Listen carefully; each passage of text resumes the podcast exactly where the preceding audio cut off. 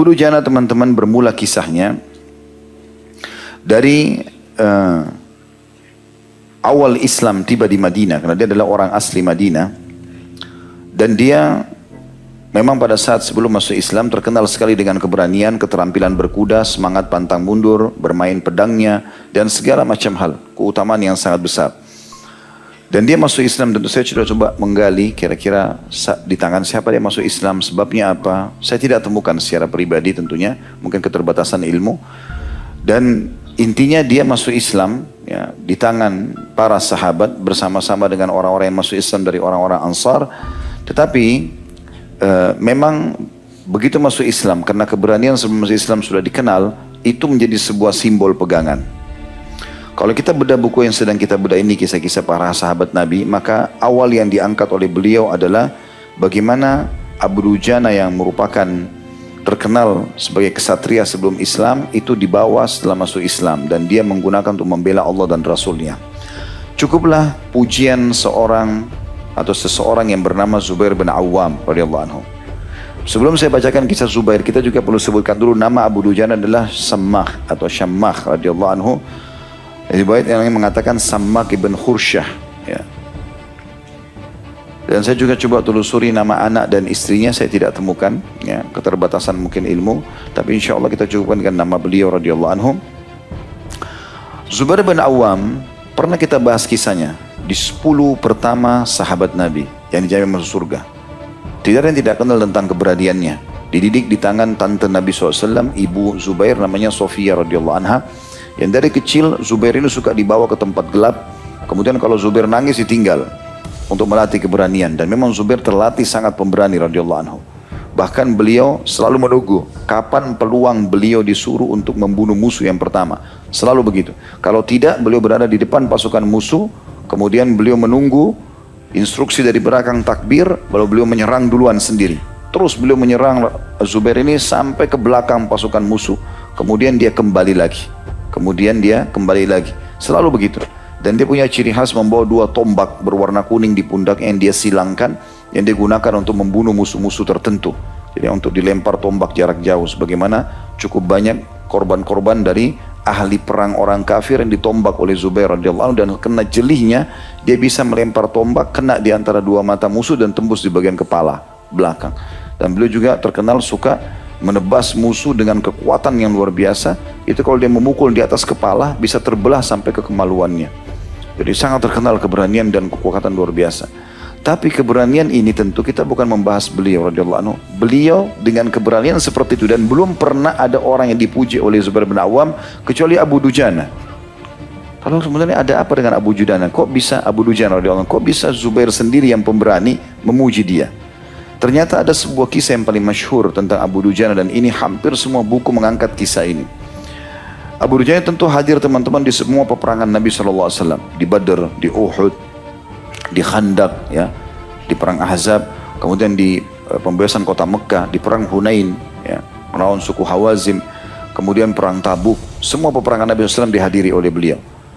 Beliau juga menghadiri beberapa peperangan, peperangan di zaman Abu Bakar dan beliau mati syahid nantinya di peperangan Yamama ya pada saat melawan Musailamah al-Kadzab atau pendusta dan setelah membunuh Musailamah di tangan dia bersama dengan Wahsy. Nanti yang kita jelaskan kisah itu tentunya.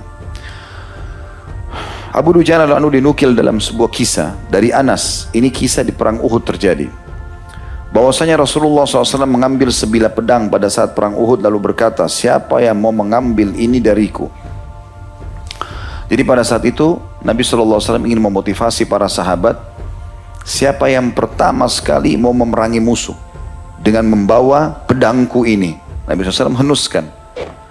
Dalam beberapa riwayat disebutkan, selain riwayat yang saya bacakan ini, dan itu sudah saya sebutkan di kajian sirah, Hamzah radhiyallahu anhu paman Nabi SAW yang juga akan mati syahid di Uhud, itu berdiri pertama. Langsung tiba-tiba mengulurkan tangannya ingin mengambil pedang itu, mengatakan, aku ya Rasulullah. Maka Nabi SAW menarik kembali. Lalu Nabi ulangi lagi, siapa yang mau mengambil pedang ini dariku? Maka berdirilah Ali bin Abi Thalib mengatakan saya Rasulullah. Ini dua orang keluarga Nabi SAW terkenal dengan keberaniannya dan pasti dia akan jalankan amanah itu. Tapi Nabi SAW tarik lagi. Nabi SAW ulangi lagi, siapa yang mau mengambil pedang ini dari aku? Berdirilah Zubair bin Awam menarik mengatakan saya Rasulullah. Nabi SAW tarik. Ini orang-orang pemberani semua Nabi tolak ini. Kemudian berdiri lagi setelah itu uh, Mikdad radhiyallahu anhu yang terkenal Umar bin Khattab memberikan julukan kekuatan seribu laki-laki karena suaranya yang lantang, badannya yang kekar, gitu kan. Mengatakan saya Rasulullah. Nabi SAW tarik lagi. Rata-rata semua yang pemberani-pemberani ini yang jelas-jelas luar biasa menghadapi musuh dan imannya sangat kuat ditolak oleh Nabi SAW. Lalu kemudian Nabi SAW mengatakan, siapa yang mau mengambil pedang ini dengan memberikan haknya? Maka Abu Dujana berdiri. Sammah radhiyallahu anhu berdiri mengatakan, Ya Rasulullah, sebelum diambil pedang, dia mengatakan, apa haknya Allah dan Rasulnya di pedang itu? Dan ternyata Nabi SAW ingin pertanyaan ini. Jangan main ambil saja. Apa yang harus saya kerjakan dengan pedang ini? Apa haknya Allah dan Rasulnya di situ? Karena Nabi SAW mengatakan, ini pedang dariku. Saya mau memberikan haknya. Gitu. Maka Nabi SAW mengatakan, engkau mengambilnya, dan engkau memukulkan ke musuhmu sampai bengkok atau patah. Artinya perang terus dengan ini, kalau bukan kau mati, musuhmu mati. Maka Abu Dujana mengatakan, aku ya Rasulullah. Barulah Nabi SAW kasih kepada Abu Dujana. Sebagian ulama menanggapi riwayat ini mengatakan, sebenarnya memang Allah Subhanahu Wa Taala ingin menunjukkan keutamaan Abu Dujana di, di depan para sahabat. Berarti menandakan Abu Dujana di sini tanda kutip lebih berhak untuk menerima khusus pedang ini dari sahabat-sahabat sebelumnya. Walaupun sahabat sebelumnya adalah orang-orang yang mulia. Untuk menunjukkan kedudukan Abu Dujana. Karena kalau tidak Allah SWT bisa berikan kepada Hamzah, berikan kepada Ali dan seterusnya. Melalui lisan Nabi Muhammad alaihissalatu wassalam. Saya lanjutkan kisah ini dulu atau riwayat yang sedang kita bacakan riwayat Imam Muslim. Anas mengatakan radhiyallahu anhu Rasulullah SAW mengambil sebilah pedang pada perang Uhud. Lalu beliau berkata, siapa yang mau mengambil ini dariku? Lalu mereka membentangkan tangan, masing-masing dari mereka berkata, aku, aku. Lalu beliau berkata lagi, siapa yang mau mengambilnya dengan haknya, segala konsekuensinya. Apa pun masalahnya, tidak boleh kau tinggalkan. Sampai tanganmu terputus, kakimu terputus, sebelum kau mati, tetap kau harus berjuang dengan pedang ini. Lalu orang-orang pun terdiam, tidak ada seorang pun yang mengambilnya. Maka berkatalah Sammah bin Khursya atau Abu Dujana, aku akan mengambilnya dengan haknya. Lalu ia mengambilnya, setelah itu ia memporak-porandakan barisan kaum musyrikin. Riwayat tadi yang pertama saya sebutkan riwayat rincian nama-nama sahabat yang ingin mengambil pedang tersebut. Riwayat Imam Muslim itu juga riwayat Imam, Imam Bukhari Muslim. Riwayat Imam Muslim ini menjelaskan kepada kita tentang ringkasnya seperti apa pembicaraan pada saat itu. Dilanjutkan uh, kisahnya dikatakan tak kalah dahsyatnya pertempuran berkuat di sekitar panja kaum musyrikin atau panji kaum musyrikin, maka peperangan yang paling pahit berlangsung di seluruh titik pertempuran. Jadi pada saat itu perang Uhud pernah saya ceritakan, saya gambarkan lagi kembali. Hamzah dan beberapa teman-teman yang lain, Ridwanullahi alaihim, mengambil kesimpulan. Selama bendera perang masih ada, berarti musuh masih kuat. Maka kita harus bunuh pemegang bendera ini. Dan di perang Uhud itu, karena orang-orang Quraisy sudah kalah di perang Badar, mereka tahu di Badar cuma yang pegang bendera dua orang dari orang Quraisy. Terbunuh dua-duanya berarti sudah kalah mereka. Maka mereka mempersiapkan sebelas orang. Dan sengaja mereka pilih dari suku Bani Abdiddar. Dari suku Abdiddar. Ini keluar sukunya Nabi Muhammad SAW. Yang memang benci dengan Nabi. Supaya mereka itu tidak mau melepas bendera ini. Maka Hamzah pun datang dengan beberapa orang sahabatnya. Di antaranya Zubair bin Awam.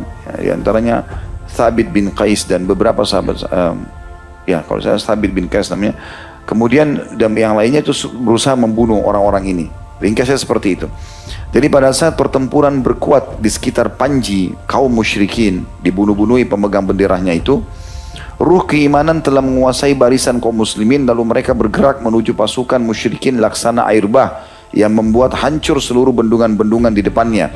Sementara mereka mengatakan matikanlah, matikanlah dan itulah slogan mereka pada perang Uhud. Di antara yang dilakukan oleh Nabi SAW adalah kalau masuk di kancah peperangan, beliau selalu memberikan bahasa rahasia di antara muslimin. Dan itu sering berganti-ganti di setiap peperangan. Kalau di uh, di perang Uhud, simbol mereka uktulu, uktulu ya, matikanlah, matikanlah. Jadi bahasa itu kalau didengar berarti ini orang muslim di sebelahnya, seperti itu. Abu Dujana pada saat itu setelah memegang pedang Nabi SAW, dia menyongsongkan atau memperlihatkan ciri khasnya dia. yaitu ikat kepala berwarna merah seraya meraih pedang Rasulullah sallallahu alaihi wasallam. Ia bertekad bulat untuk melaksanakan hak pedang itu. Ia berperang dengan benar-benar mencermati orang-orang. Tidaklah seorang musyrik pun yang berpapasan dengannya melainkan ia bunuh.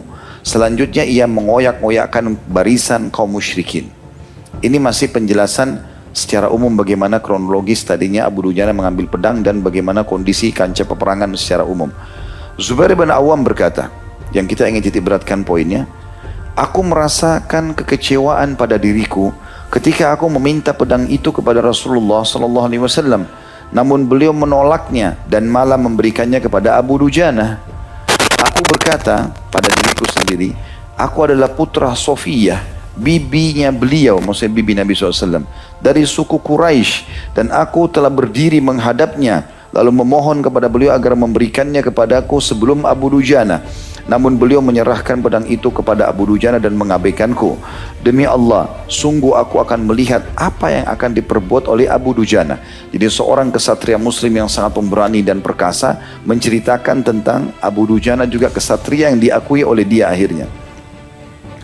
Maka dikatakan, demi Allah, sungguh aku akan melihat apa yang akan diperbuat Abu Dujana. Lalu aku membuntutinya. Kemudian ia pun mengeluarkan ikat kepala merahnya atau miliknya yang berwarna merah. Ia mengeluarkan uh, uh, ikat kepala miliknya yang berwarna merah lalu mengikatnya di kepalanya. Maka berkatalah orang-orang Ansar, Abu Dujana telah mengeluarkan ikat kepala kematian. Lalu ia pergi seraya melantunkan syair. Akulah orang yang diberi pesan oleh kekasihku. Maksudnya Nabi SAW. Saat kami di kaki bukit di bawah pohon kurma. Karena waktu Nabi bilang siapa yang mau memberikan hak pedang ini. Di bawah sebuah pohon kurma ada bukit di sebelahnya. Agar selamanya aku tidak di barisan belakang, aku menebas dengan pedang Allah dan Rasulnya. Maka tidaklah ia bertemu seorang pun melainkan ia membunuhnya. Sementara di kalangan kaum musyrikin terdapat seorang laki-laki yang tidak membiarkan korban terluka dari kalangan kami akan bergegas menujunya atau membunuhnya. Lalu masing-masing dari dua orang ini saling mendekat, kata Zubair. Jadi rupanya Abu Dujana dengan pedangnya tadi, setiap dapat orang musyrik ditebas sama dia, dibunuh. Rupanya di pasukan musyrik ada juga satu orang musyrik begitu. Sebuah riwayat lain mengatakan orang musyrik itu tidak terlihat kecuali kelopak matanya saja. Semuanya besi dari kepala sampai kakinya. Kudanya pun ada besi. Kemudian dia selalu melukai umat Islam. Setiap luka dibunuh sama dia. Maka Zubair bin Awam melihat. Abu Dujana dilihat orang itu juga kelihatan. Kata Zubair, Lalu aku pun berdoa kepada Allah agar Allah mempertemukan keduanya.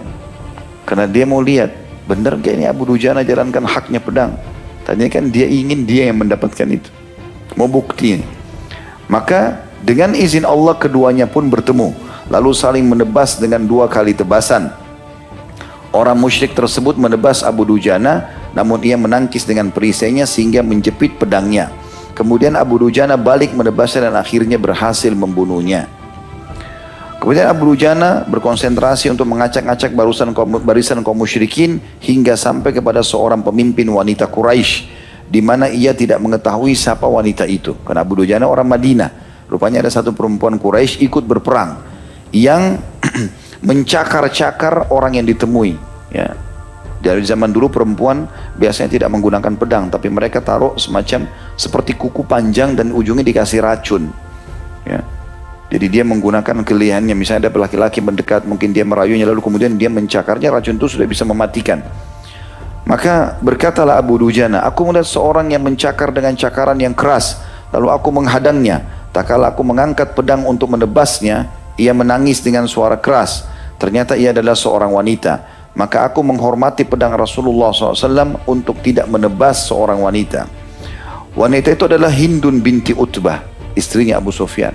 Yang memang di perang Uhud nanti yang, men yang menyuruh Wahsy untuk membelah dada Hamzah untuk mengambil jantungnya. Az-Zubair bin Awam berkata melanjutkan kisahnya, Aku melihat Abu Dujana telah mengangkat pedang untuk menebas pertengahan kepala Hindun binti Utbah. Kemudian ia menarik pedang itu darinya. Maka aku katakan, Allah dan Rasulnya lah yang lebih mengetahui penyebabnya.